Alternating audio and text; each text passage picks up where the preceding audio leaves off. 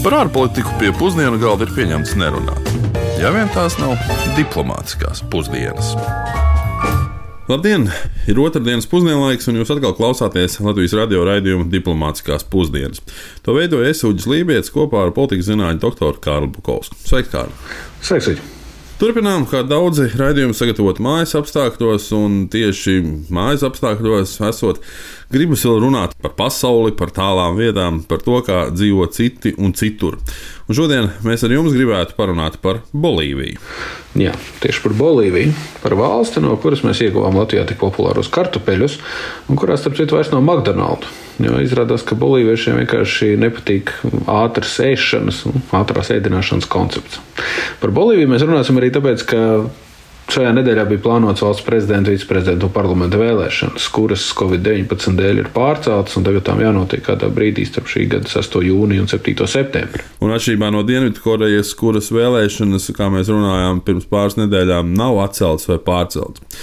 Bet um, ne jau tikai par vēlēšanām un uh, kā Bolīvija vispār līdz tām ir nonākusi, mēs vēlējāmies pastāstīt, bet uh, kopumā par valsti kura ir daudzveidīga ne tikai etniski, bet arī ekonomiski, ja tā var izteikties. Uh, bet sākām mēs ar ierasto telefonu WhatsApp aptauju, vajadzētu klausītājiem, ko viņi zina par Bolīviju. Par Bolīviju zinu tik daudz, ka tā ir valsts Dienvidamerikā. Zinu to, ka Bolīvija ir Dienvidamerikā un ka viņas vārds ir cēlies no cilvēka, kurš ieguva neatkarību lielākajai daļai no Dienvidamerikas valstīm. Bet nezinu galvaspilsētu. Varbūt tie ir novecojuši stereotipi, bet man šķiet, ka Bolīvija ir varētu būt tāda valsts, eh, kura nav pilnībā izmantojusi savu ekonomisko potenciālu, un tur diezgan liela daļa cilvēku dzīvo nabadzībā, un vispār kopumā ir liela nevienlīdzība. Bet atkal no otras puses eh, nu, rodas tāda asociācija ar Bolīviju ir tāda, ka tā ir eh, no kultūras viedokļa bagāta valsts un varbūt arī Eiropiešu acīs kolorīta. Par Bolīviju laikam neko daudz jau nevar pateikt, nu, izņemot to, ka tā ir laikam nabadzīga valsts. Dienvidamerika jau pat par sevi laikam nav diezko bagāta un ekonomiski attīstīta, līdz ar to var sanākt tāds nabadzīgo radinieku, nabadzīgais radinieks. Vēl laikam ir tas, ka tur ilgstoši bija valsts vadītājs, kurš mēģināja spītīgi ieviest sociālismu, nu, un vēl tur ir daudz indiāņu un Titikaks ezers laikam. Patiesībā es pat biju nedaudz pārsteigts par to, cik cilvēku viedokļi par Bolīviju ir pat ļoti precīzi. Jo Bolīvija tiešām ir etniski daudzveidīga un nebūtu nav ekonomiski spēcīga. Nu, valstī ir mm, nedaudz vairāk kā 11,5 miljoni iedzīvotāji, no kuriem aptuveni piektā daļa ir Amerikas pirmiedzīvotāja rases un gandrīz 70% ir metis. Un šī tiešām, kā aptaujāt iedzīvotāji pareizi minēja, ir relatīvi nabadzīga valsts, jo tās ekonomikas izmērs ir 3,5 miljardi eiro un IKP uz vienu iedzīvotāju pēc pirktspējas paritātes, ir apmēram 7000 uh, eiro, jeb aptuveni ceturtā daļa no Latvijas rādītājiem. Vienlaicīgi Tā ir arī dažādiem dabas resursiem bagāta valsts, un viņiem ir gan dabasgāze, gan sudrabs, gan cinks un zelts, un valsts ir arī liels sojas eksportētājs. Nu, un, starp citu, arī trešais pasaulē lielākais kokaīna ražotājs aiz Kolumbijas un Peru. Nu, šos ienākumus gan laikam oficiālā statistikā neiekļauj. Nu, nu, taču valsts ekonomiskā situācija ir ļoti cieši saistīta gan ar Bolīvijas politisko dzīvi, gan gaidāmajām vēlēšanām un politisko situāciju. Lūdzām komentēt arī savulaik Bolīvijas kaimiņu valstī Brazīlijā ilgus gadus dzīvojušam ekonomikas doktoram Jānim Bērziņam, kurš vada Latvijas Nacionālās aizsardzības akadēmijas paspārnē izveidoto drošības un strateģiskās pētniecības centru. Lai saprastu to, kas notiek Bolīvijā šobrīd, ir nepieciešams skatīties uz visu Dienvidu Ameriku pēdējos 20 gados. Proti, sākot ar 2000. gadu, vairāki kreisi orientēti politiski spēki ir uzvarējuši vēlēšanas. Tās notika ne tikai Bolīvijā, bet uh, arī Čīle, Argentīna, Urugvaja, Brazīlija. Un uh, tā bija šo valstu sabiedrības reakcija uz tiem saucamajiem neoliberāliem gadiem, kuros notika visādas privatizācijas, uh, pensiju sistēmās reformas, kā arī taupības režīms.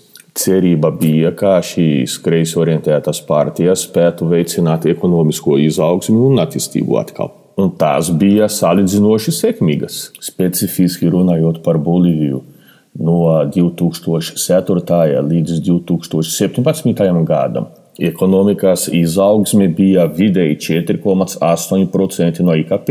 Tajā pašā laikā cilvēki, kas dzīvoja zem nabadzības slāņa, samazinājās uz pusi no 34 uz 17% no iedzīvotājiem. Tādi, protams, kā var ļoti labi saprast, kāpēc šīs partijas ir diezgan populāras. Skaidrs, ka Bolīvijas ekonomika ir problemātiska. Un kāpēc? Tāpēc, ka principā tā eksportē gāzi, sudrabu un uh, soju. Un ņemt vērā, ka tas rāda, ka Bolīvijas ekonomika ir diezgan nekompleksa Rezultāts ir tāds, ka nevar cerēt uz to, ka nabadzība stipri samazināsies nākamajos gados. Tā skaita tāpēc, ka primāru preču cenas iet uz leju, tā skaita gāzes cena. Un ņemt vērā, ka socioloģiskās aptaujas rāda, ka 33% no iedzīvotājiem būtu gatavi nobalsot par bijušā prezidenta Morālesa partijas kandidātu Luis Arci, kamēr tikai 16% būtu gatavi nobalsot par esošu prezidentu Janīnu Janjes, ir ļoti iespējams, ka vēlēšanu rezultāts tiks apšaubīts, un tas ļoti iespējams radīs sociālo satricinājumu. Jānis Bērziņš ieskicēja nedaudz plašāku kopainu un jau pieminēja arī gaidāmo cīņu par prezidenta krēslu. Un atklāti sakot, nevis gaidāmo cīņu, bet jau gandrīz gadu ilgstošo cīņu, kas ir pilnībā izmainījusi politisko situāciju Bolīvijā. Jo patiesībā prezidenta vēlēšanas Bolīvijā jau notika pagājušā gada 20. oktobrī, un līdzinājumam prezidentam Evo Moralesam tika prognozēta pārliecinoša uzvara, jo viņa vadībā viena no Latvijas nabadzīgākajām valstīm tiešām bija uzrādījusi atzīstamu ekonomisko un sociālo uzplaukumu. Un, un nabadzība tika samazināta par 60%, un IKP uz vienu cilvēku pieauga aptuveni divreiz straujāk nekā pārējā Latvijā. Un, attiecīgi, Morales uzvarēja ar 47% balsu, apsteidzot savu sīvāko konkurentu um, Karlosu Mēsu, kurš, starp citu, uh, savulaik bijis arī pagaidu prezidents valstī. Viņš saņēma 36,5% balsu, un un Morāles politiskā partija, kustība pretī sociālismam, ieguva arī vairākumu abās parlamentu palātās. Nu, taču vēlēšana novērotāji no Amerikas valstu organizācijas uzreiz pauda bažas par vēlēšanu godīgumu un arī pieprasīja atkārtot balsojumu. Nu, šī iebilduma, kā mēs atceramies, iedrošināja gan Karlos Mesu, gan ļoti raibu un pieaugušu protestu kustību. Drīzumā uz ceļiem jau bija barikādas un aicinājumi rīkot streikus. Drīz vien jau no liela daļa opozīcijas pieprasīja vēlēšanu rezultātu atcelšanu un arī Morales atkāpšanos. Jā, un interesanti, ka šajā neskaidrība pilnajā situācijā par sacelšanās līderi kļuva nevis Karls Mesa, bet gan uh, Luis Fernando Camacho, kurš uh, pats vēlēšanās nepiedalījās. Un uh, šim cilvēkam ir sakara ar dažādām reliģiskām un paramilitārām grupām. Viņš ir arī bēdīgi pazīstams ar dažādiem rasistiskiem noziegumiem un tiek saukts par Bolīvijas Bolsonaro, kas ir galēji labējais Brazīlijas prezidents. Un iespējams, ka pēdējā laikā esat par šo cilvēku dzirdējuši kā visai kaismīgu Covid-19 noliedzēju. Un arī mm, kaismīgu slimotāju. Jā, un, uh, toreiz izcēlās vardarbīgas sadursmes un notika uzbrukumi vēlēšanu iecirkņiem, vēlēšanu komisijām. Uh, tika pazemoti un aizskarti Moralesa partijas atbalstītāji, un uh, dažu nedēļu laikā dzīvību zaudēja arī cilvēki. Un šī konflikta vidū prezidents Evo Morales aicināja uz savaldību un aicināja arī Amerikas valstu organizācijas sarīkot auditu, mm, kā arī solījās ievērot tā atzinums. Un, lai arī šajā auditā par vēlēšanām tika konstatēti pārkāpumi, netika norādīts uz to, cik liels skaits biļetenu varētu būt apšaubām. Un par spīti tam tika atkārtot aicināts rīkot jaunas vēlēšanas, un uh, Morales vien dažas stundas pēc šī paziņojuma piekrita jaunām vēlēšanām un arī paziņoja par jaunu komisiju veidošanu. Taču bija jau par vēlu un sākās draudi un uzbrukumi Morales kabinetam, likumdevējiem, varas iestāžu pārstāvjiem, viņa ģimenēm. Un daži viņa atbalstītāji pat bija spiest meklēt patvērumu Meksikas vēstniecībā. Un situācija tobrīd arī vēl vairāk sarežģīja arī Dūmas policijā, pēc kura militārā vadība pieprasīja prezidenta atkāpšanos. Un Morales nomad tiešām atkāpās un sāk slēpties, baidoties par savu dzīvību. Un ar Meksikas valdības un arī Argentīnas prezidenta atbalstu Morales galu galā pameta valsti un atrada patvērumu Meksikā. Nu jā, politiskais vakums Bolīvijā turpinājās vairākas dienas, līdz par pagaidu prezidentu tika pasludināta senāta līdera vietniece Žanīna Jēza, lai arī šāda apstiprināšanai faktiski trūka kvoruma.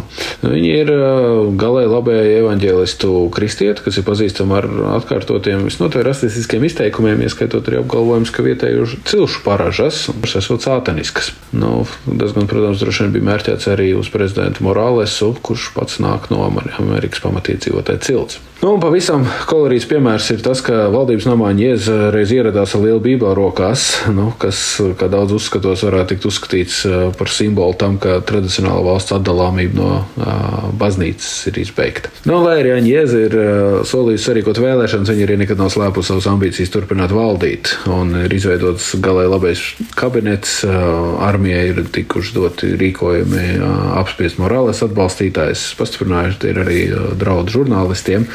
Un prezidents ambīcijas apstiprina arī fakts, ka pašreizējā koronavīrus krīze ļauj rīkoties arī viņai ar ārkārtas pilnvarām.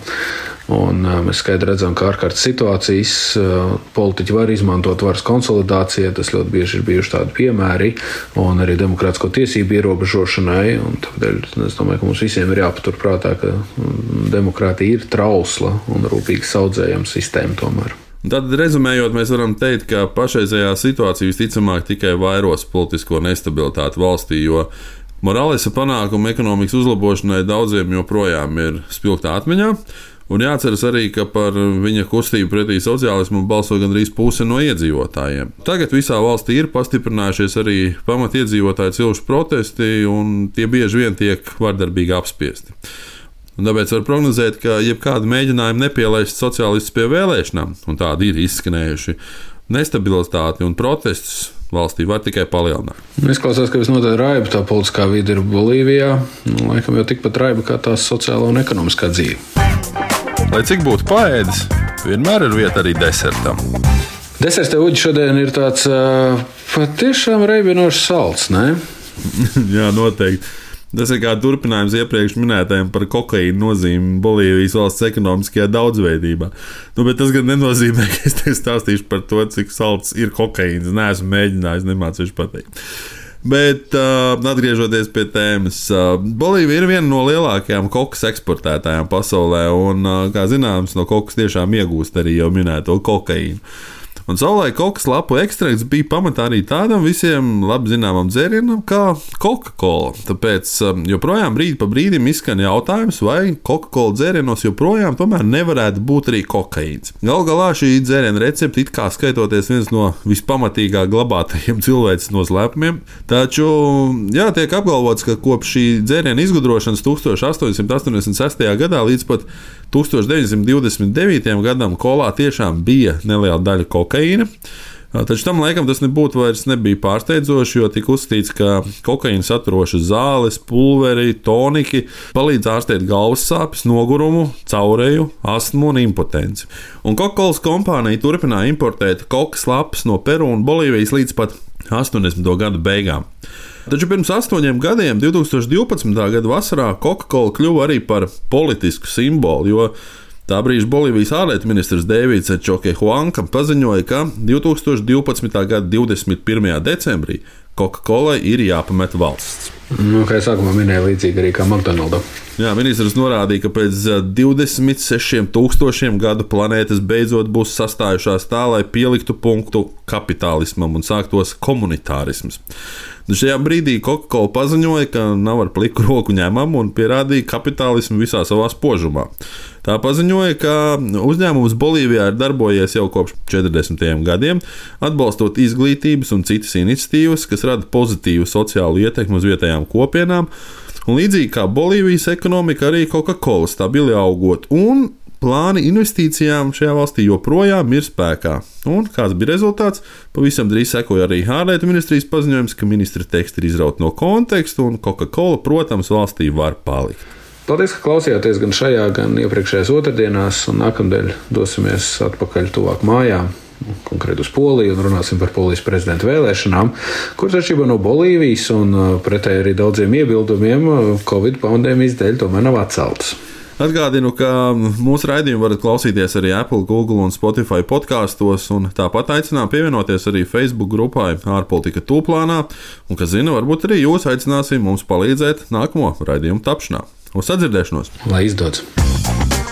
Diplomātiskās pusdienas katru otrdienu pusdienos Latvijas Radio 1.